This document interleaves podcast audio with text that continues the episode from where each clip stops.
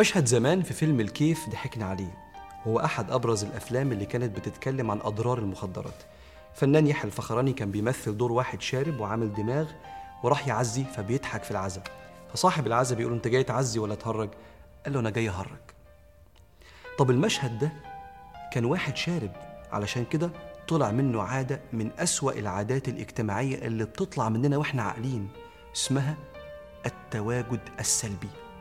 التواجد السلبي هو غياب العقل عن الموقف. إنك تتواجد في موقف بغير روح الموقف ده فتأذي اللي حواليك ويا ريتك ما جيت. اضرب لك مثال. والدتك عندها مشكلة كبيرة وجاية تحكي لك. وأنت قاعد عمال مش مركز معاها وبتبص على التلفزيون وبتأفف فحسستها إنها تقيلة على قلبك وهي بتقول يا ريتني ما حكيت له. لأنها حست بإهمالك. عارف لو أنت ما كنتش موجود كانت قالت لو ابني كان هنا والله كنت اترميت في حضنه وحكيت له. بس تواجدك كان تواجد سلبي ويا ريتك ما جيت. قاعد في المحاضرة في الكلية الكل مركز مع الدكتور وانت قاعد بتهزر. فالدكتور شافك وطردك وخد انطباع سيء عنك. لو ما كنتش جيت خالص ما كانش حد عرفك لكن تواجدك انتقص من رصيدك وكان سلبي ويا ريتك ما جيت. جوزك عنده مشكلة كبيرة في شغله وبيحكي لك. وانت قاعدة بص على الموبايل كده ومش مركزة معاه. فقام قايل لك يا دي الفيسبوك اللي واخدك مننا ده وحس بقمة اللامبالاة منك. روح الموقف إنك تتواجد بنفس روح الموقف ده يشبه ال uniform. تخيل واحد رايح اجتماع مجلس إدارة بشورت وفانيلا. على فكرة هو هو زي اللي رايح الاجتماع مش محضر اللي مطلوب منه. يا ريته ما جه. لو ما كنتش جيت كان زمايلك ومديرينك افتقدوك وقالوا لو فلان كان موجود كنا استفدنا من خبراته. لكن تواجدك انتقص من رصيدك. تواجدك ما كانش زي عدمه. انت أذيت نفسك لأن تواجدك كان سلبي ويا ريتك ما جيت. على فكرة التواجد السلبي يخالف سنة من السنن النبوية اسمها سنة الموافقة.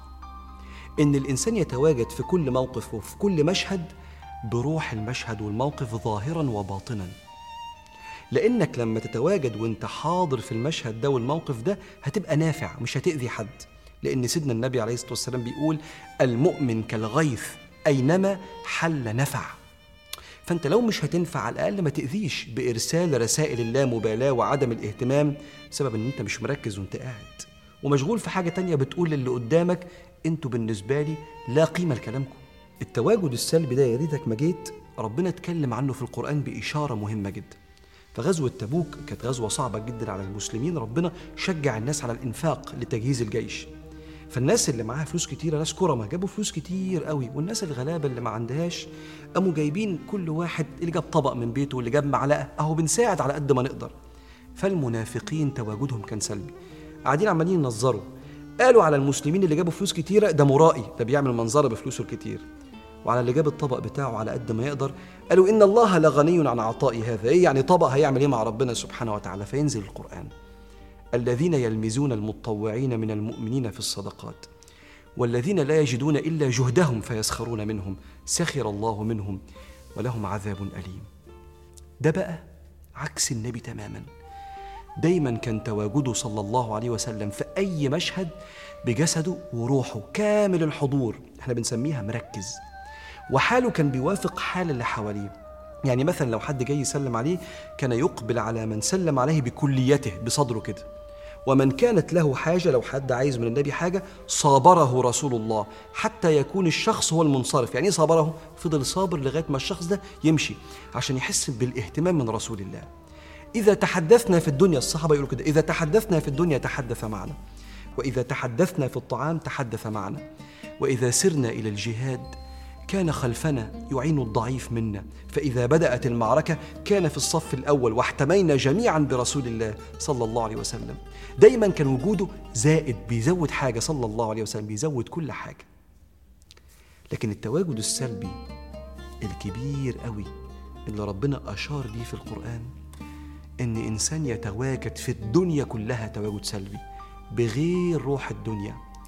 أنت روحك في الدنيا روح العبد. الطيب مع الخلق الطائع لله. مش جاي تأذي وتظلم ولا تؤمن بالخالق. ساعتها الإنسان يوم القيامة يقول يا ريتني ما جيت. فاكر لما ربنا قال يوم ينظر المرء ما قدمت يداه ويقول الكافر يا ليتني كنت ترابا. يا ريت ما كنت بني آدم في الدنيا وما جيتش بني آدم لأني ما عشتش بروح العبد. الحل بص على كل مشهد انت بتتواجد فيه وتواجد بروح المشهد ما لم يكن هناك معصية. ساعتها يبقى انت بتعمل عبادة الوقت انك تتواجد مع من حولك بروح من حولك. دي بيسموها سنة الموافقة. فاللي تعبان اسمع له واللي محتاج مساعدة على قد ما تقدر. ولو انت بتدرس ركز دي اسمها عبادة الوقت. ومن جالس جانس. يعني خلي روحك من جنس من تتواجد معهم ما لم يكن هناك معصية. عشان تواجدك ما يبقاش سلبي وتنتقص من رصيدك وتقول يا ريتني ما جيت. فاللهم اجعلنا ممن تراحمنا لترحمنا وممن تعاطفنا لتعطف علينا يا ودود